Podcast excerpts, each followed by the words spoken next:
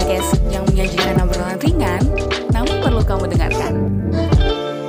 Kali ini Podcast Sigma kembali hadir menemani Anda dalam program Curma, Curhatan Mahasiswa. Selama beberapa menit ke depan bersama aku, Sela.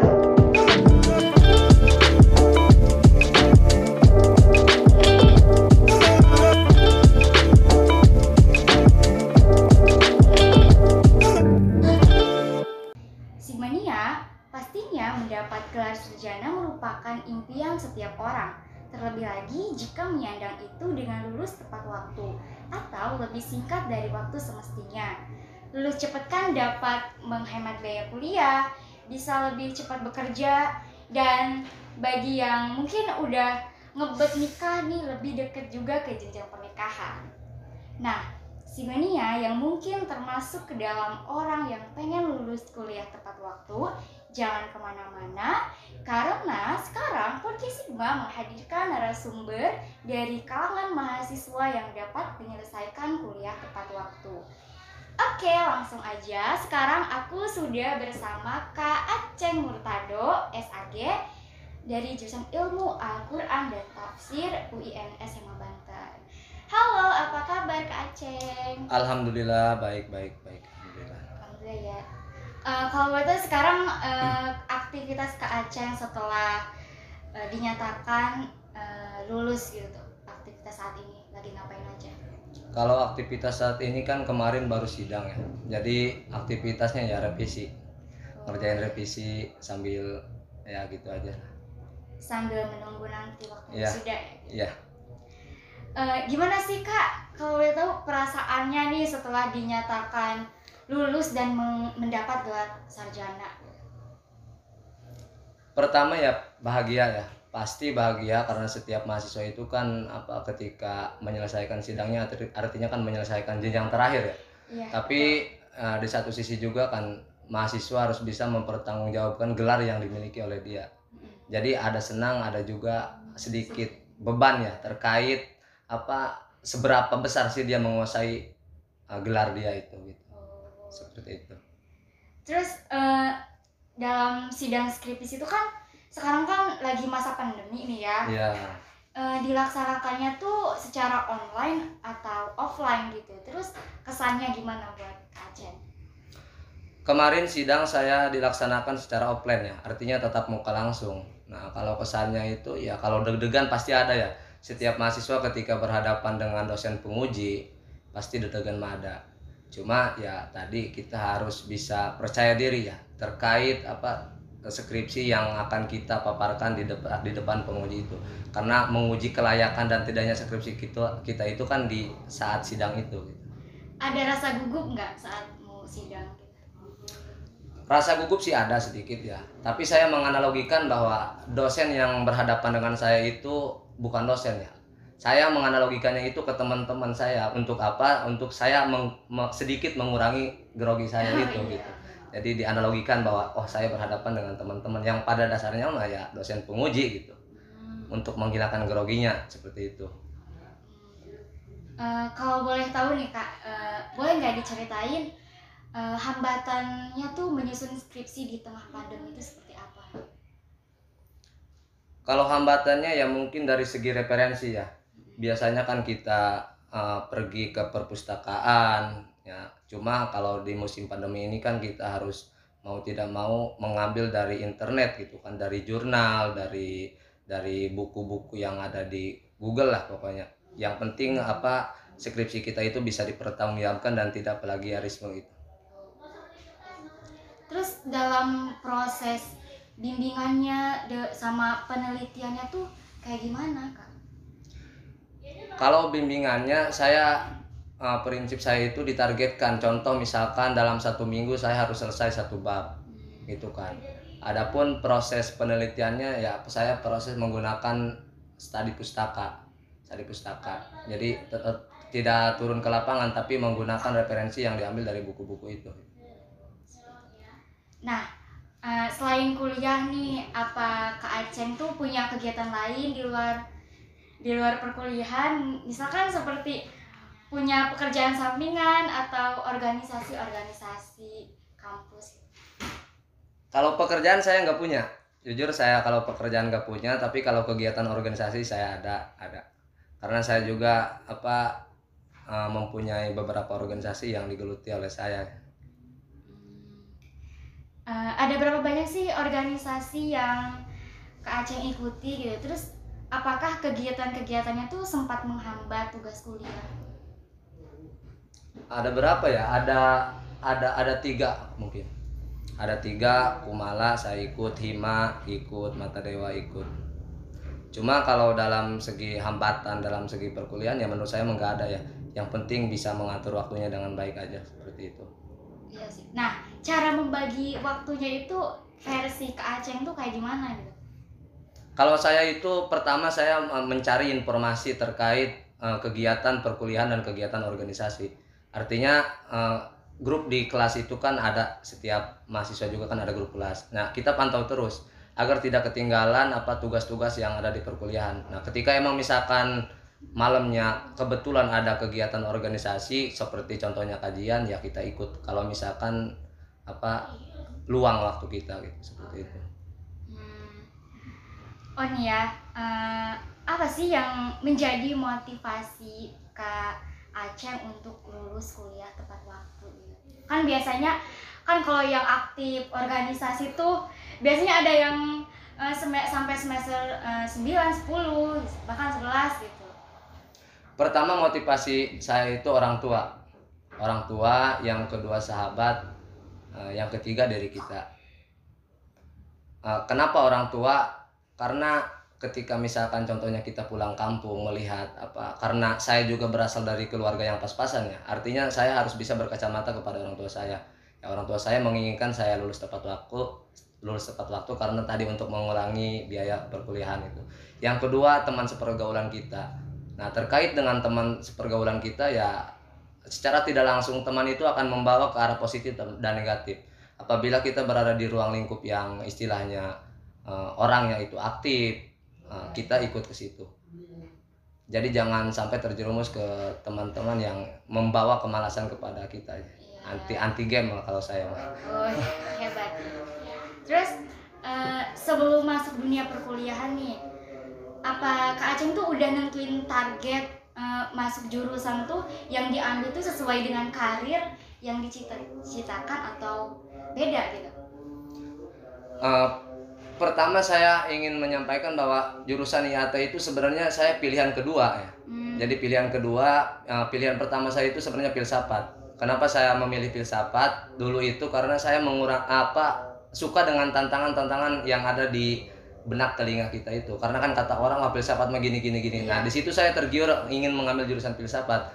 Namun tadi kata orang tua saya tidak boleh. Dan alhamdulillah saya tidak masuk di filsafat. Tapi mau tidak mau ya saya harus bisa menggeluti jurusan yang saya masuki gitu. Artinya IAT ya.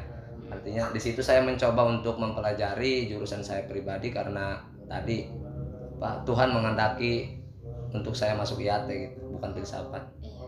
Terus eh, kan tadi katanya ini kan jurusan yang sekarang kan eh, apa sih pilihan kedua ya? Ya. Nah saat keterimanya di situ tuh ada rasa kecewa nggak sih misalnya sedih gitu tuh terus cara Kak Aceh menerimanya tuh kayak gimana gitu Ya kalau kalau kalau dibilang sedih ya awalnya ada sih karena emang tujuan awal kita kan masuk filsafat tujuan awal saya. Cuma kata saya tadi bahwa saya harus mencoba men- menyukai apa yang saya jalani saat ini. Artinya kan saya masuk di IAT, saya mencoba menggali hal-hal yang ada di jurusan saya itu dan ternyata lebih menarik menurut saya. Artinya apa semua problem yang ada di luar itu ya ternyata di Al-Qur'an itu ada gitu. Soal penyelesaiannya, soal apa? Pokoknya ada lah di Al-Qur'an. Jadi kan Al-Quran itu sebagai hudal linnas ya petunjuk bagi setiap manusia bahwa ketika kita mengkaji betul tentang Al-Quran itu ya pasti semua permasalahan akan mudah gitu sangat menarik sekali Kak Aceh Eh, terus eh, pasti Kak Aceh tuh kan eh, pernah nggak sih kayak merefleksi diri gitu. Apa kelemahan sama kelebihan diri sendiri. Terus eh, saat di bangku kuliah itu. Nah setelah kita tahu kelemahan dan kelebihan diri kita tuh kemudian sering muncul pertanyaan kira-kira kira-kira tantangan apa yang yang potensial muncul saat bekerja nanti? Kak Aceh. Kalau tantangan ya saya orangnya agak sedikit pemalas ya. Jadi mau tidak mau saya ke depannya harus bisa lebih giat lagi ya terkait hal itu gitu. Karena pada dasarnya kita kan tidak akan mencapai suatu keinginan apabila kita berbalas malasan ya. Ya mungkin tantangan terbesar saya harus bisa melawan kemalasan itu sendiri gitu. Jadi iya perang dengan diri sendiri aja itu. memang rasa kemalas itu udah kayak mendarah daging gitu Iya, ya semua orang itu. pasti Ya. punya rasa malas.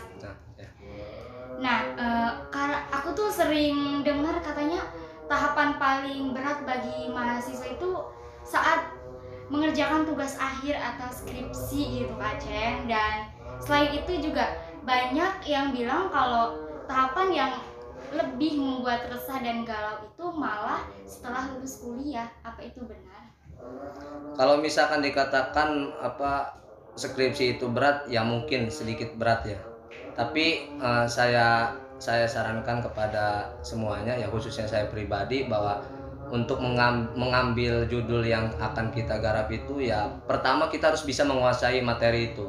Jadi artinya jangan sampai kita menguasai apa mem- membahas sesuatu yang emang tidak kita uh, tidak tidak kita kuasai gitu. Karena itu akan memperlambat proses garapannya, garapan skripsinya. Adapun misalkan tantangan tantangan apa tadi? Tantangan ini tantangan kan udah lulus tuh Iya. nanti sulit dapat pekerjaan gitu Iya. ya, kerjaan. Ya kalau saya prinsipnya kuliah itu bukan untuk mencari pekerjaan ya. Tapi saya prinsipnya kuliah itu untuk mencari ilmu gitu. Jadi mengalir lah sifatnya saya. Kalau misalkan saya ditakdirkan lulus kuliah ada pekerjaan ya saya bekerja. Kalau misalkan nggak ada ya no problem. Oh, iya iya. Nanti kan kalau misalkan memang kita tuh kalau niat kita untuk niat kita lulus tuh untuk mencari ilmu, mendapat ilmu, nanti kan pekerjaan itu mengikuti kan. Nah seperti itu. Asalkan ada usahanya Yes gitu. seperti itu. Nah, eh, eh, ketika sebelum dinyatakan lulus nih, pernah nggak sih Kak Aceng ada yang nanya, emang nanti setelah lulus mau jadi apa sih? Terus entah itu dilontarkan oleh keluarga, tetangga, bahkan teman sendiri. Nah, pada saat itu bagaimana eh, Kak Aceng menjawabnya? Saya tipikal orang yang mempunyai tadi prinsip masa bodoh ya. Jadi emang ketika ada nyinyiran dari tetangga adalah pasti setiap orang. Ngapain sih kuliah jauh-jauh dari kampung? Saya kan berasal dari Lebak ya. Jadi dari kampung sedikit masuk ke Serang ya agak sedikit kota. Cuma saya tadi itu ya ini diri saya saya harus bisa menjalani ini. Adapun misalkan nyinyiran dari orang lain ya saya tidak jadikan masalah itu. Tapi jadikan itu adalah sebuah motivasi bahwa kita uh, dari kampung mampu bersaing dengan orang-orang di kota gitu seperti itu. Hebat Kak Aceng. Terus nih ya, ketika kan eh, lagi ada di fase berjuang untuk eh, merampungkan skripsi nih. Iya. untuk bisa lulus tepat waktu. Kak Aceng tuh sempat ngerasa dilema nggak kayak mikirin masa depan gimana nih nanti kalau saya tidak mendapatkan pekerjaan yang sesuai Eh, terus gimana kalau ternyata mencari pekerjaan itu nggak semudah yang dibayangkan gitu tiba-tiba kan sering tuh ya kita tuh overthinking per, apa sih pertanyaan-pertanyaan negatif muncul dari diri kita sendiri lalu bagaimana sih kita mengatasi kegelisahan itu gitu Kan tadi saya udah jawab. Udah jawab, saya sifatnya itu mengalir ya. Jadi saya tidak mempunyai target sendiri. Jadi saya ketika lulus ini harus bekerja seperti ini seperti ini enggak. Saya sifatnya mengalir. Tadi kata saya apabila misalkan saya uh, menemukan satu pekerjaan ya saya jalani gitu. Tapi tetap dengan dalam tanda kutip kita harus tetap ikhtiar gitu. Itu poinnya seperti itu. terus eh, apakah ada pesan atau nasihat dari dosen yang sampai saat ini tuh eh, masih Kak Aceng ingat gitu selalu di, dan selalu diamalkan di kehidupan sehari-hari ada namanya Pak Budi. Saya mempunyai dosen namanya Pak Budi. Dia itu prinsipnya dengan setiap orang itu belajar. Bahkan beliau itu duduk di bangku dosen aja jarang. Jadi eh, duduknya setara dengan mahasiswa. Karena prinsip beliau itu ya kita belajar di sini, bukan saya yang mengajar kepada mahasiswa. Itu yang saya suka dengan dosen Pak Budi itu namanya. Tapi saya sekarang jarang lihat Pak Budinya. mungkin boleh ucapin salam buat Oke, salam takdim saya kepada Pak Budi, dosen IAT. Terima kasih atas ilmunya. Oke nih, eh, mungkin dari kakak ada pesan yang ingin disampaikan untuk adik-adik mahasiswa yang saat ini juga sedang berjuang di tengah-tengah tugas yang menumpuk. Silahkan. Ini untuk adik-adik ya? Iya, Ah. nikmati dan jalani ya nikmati dan jalani untuk adik-adik khusus nikmati dan jalani artinya tugas yang diberikan dosen ya nikmati jangan diambil pusing tapi tetap ah, dipikirkan sambil dijalani seperti itu ada lagi? udah kalau untuk adik-adik Mungkin untuk teman yang misalkan ada yang belum ini belum sidang gitu yang masih ada yang masih nunda gitu tuh. Oh, kalau untuk teman-teman seangkatan ataupun kakak-kakak senior ya segera selesaikan skrip- skripsinya ingat orang tua di rumah ya karena skripsi yang baik itu adalah skripsi yang selesai kan ya seperti itu. Bukan skripsi yang yang lambat itu. Jadi tetap ingat pesan orang tua di rumah. Eh, baik, eh, terima kasih Kak Aceng atas eh, waktunya yang sudah mau menjadi narasumber podcast Sigma kali ini. oke terima kasih. Sama-sama. Eh, Oke Sigmania gimana tuh tadi ya penjelasan dari Kak Aceng. Nah, kita itu sebagai mahasiswa janganlah sering bermalas-malasan kalau misalkan ada tugas ya kerjain gitu. Kalau semisal kita pengen cepat eh, pengen lulus kuliah tepat waktu dan eh, tadi juga kata Kak Aceng eh, kita tuh lulus kuliah tuh harus apa sih niat kita tuh niatnya tuh harus ini loh bukan untuk mencari pekerjaan tetapi niat lulus gue tuh mencari ilmu karena nanti dengan kita mempunyai ilmu itu pekerjaan pun akan mengikuti gitu akan mengalir gitu ya. Eh, dan sekarang aku pamit undur diri. S- eh, selamat bertemu kembali di program Sigma selanjutnya program podcast Sigma selanjutnya. Assalamualaikum warahmatullahi wabarakatuh. beres kan. Aduh, udah